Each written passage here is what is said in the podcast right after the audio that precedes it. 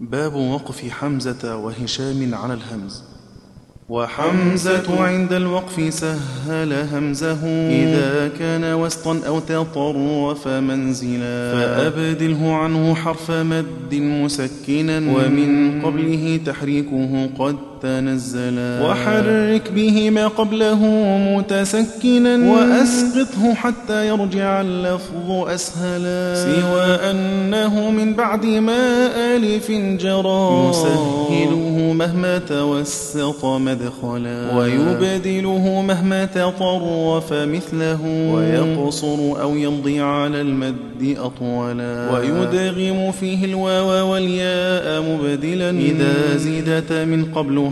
حتى يفصلا ويسمع بعد الكسر والضم همزه لدى فتحه ياء وواوا محولا وفي غير هذا بين بين ومثله يقول هشام ما تطرف مسهلا ورئيا على إظهاره وادغامه وبعض بكسر الهالياء تحولا كقولك أنبئهم ونبئهم وقد رووا أنه بالخ الخط كان مسهلا ففي اليا يلي والواو والحذف رسمه ونخفش بعد الكسر ذا الضم أبدلا بياء وعنه الواو في عكسه ومن حكى فيهما كاليا وكالواو أعضلا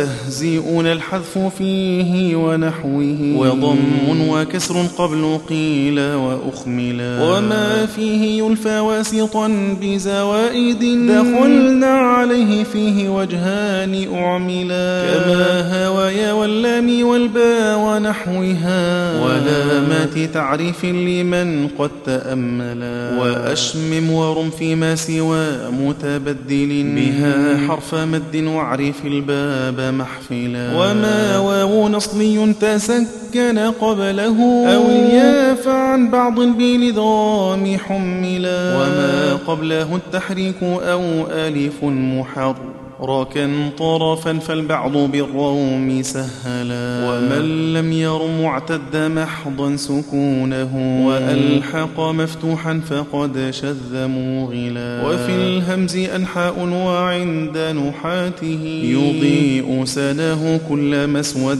أليلا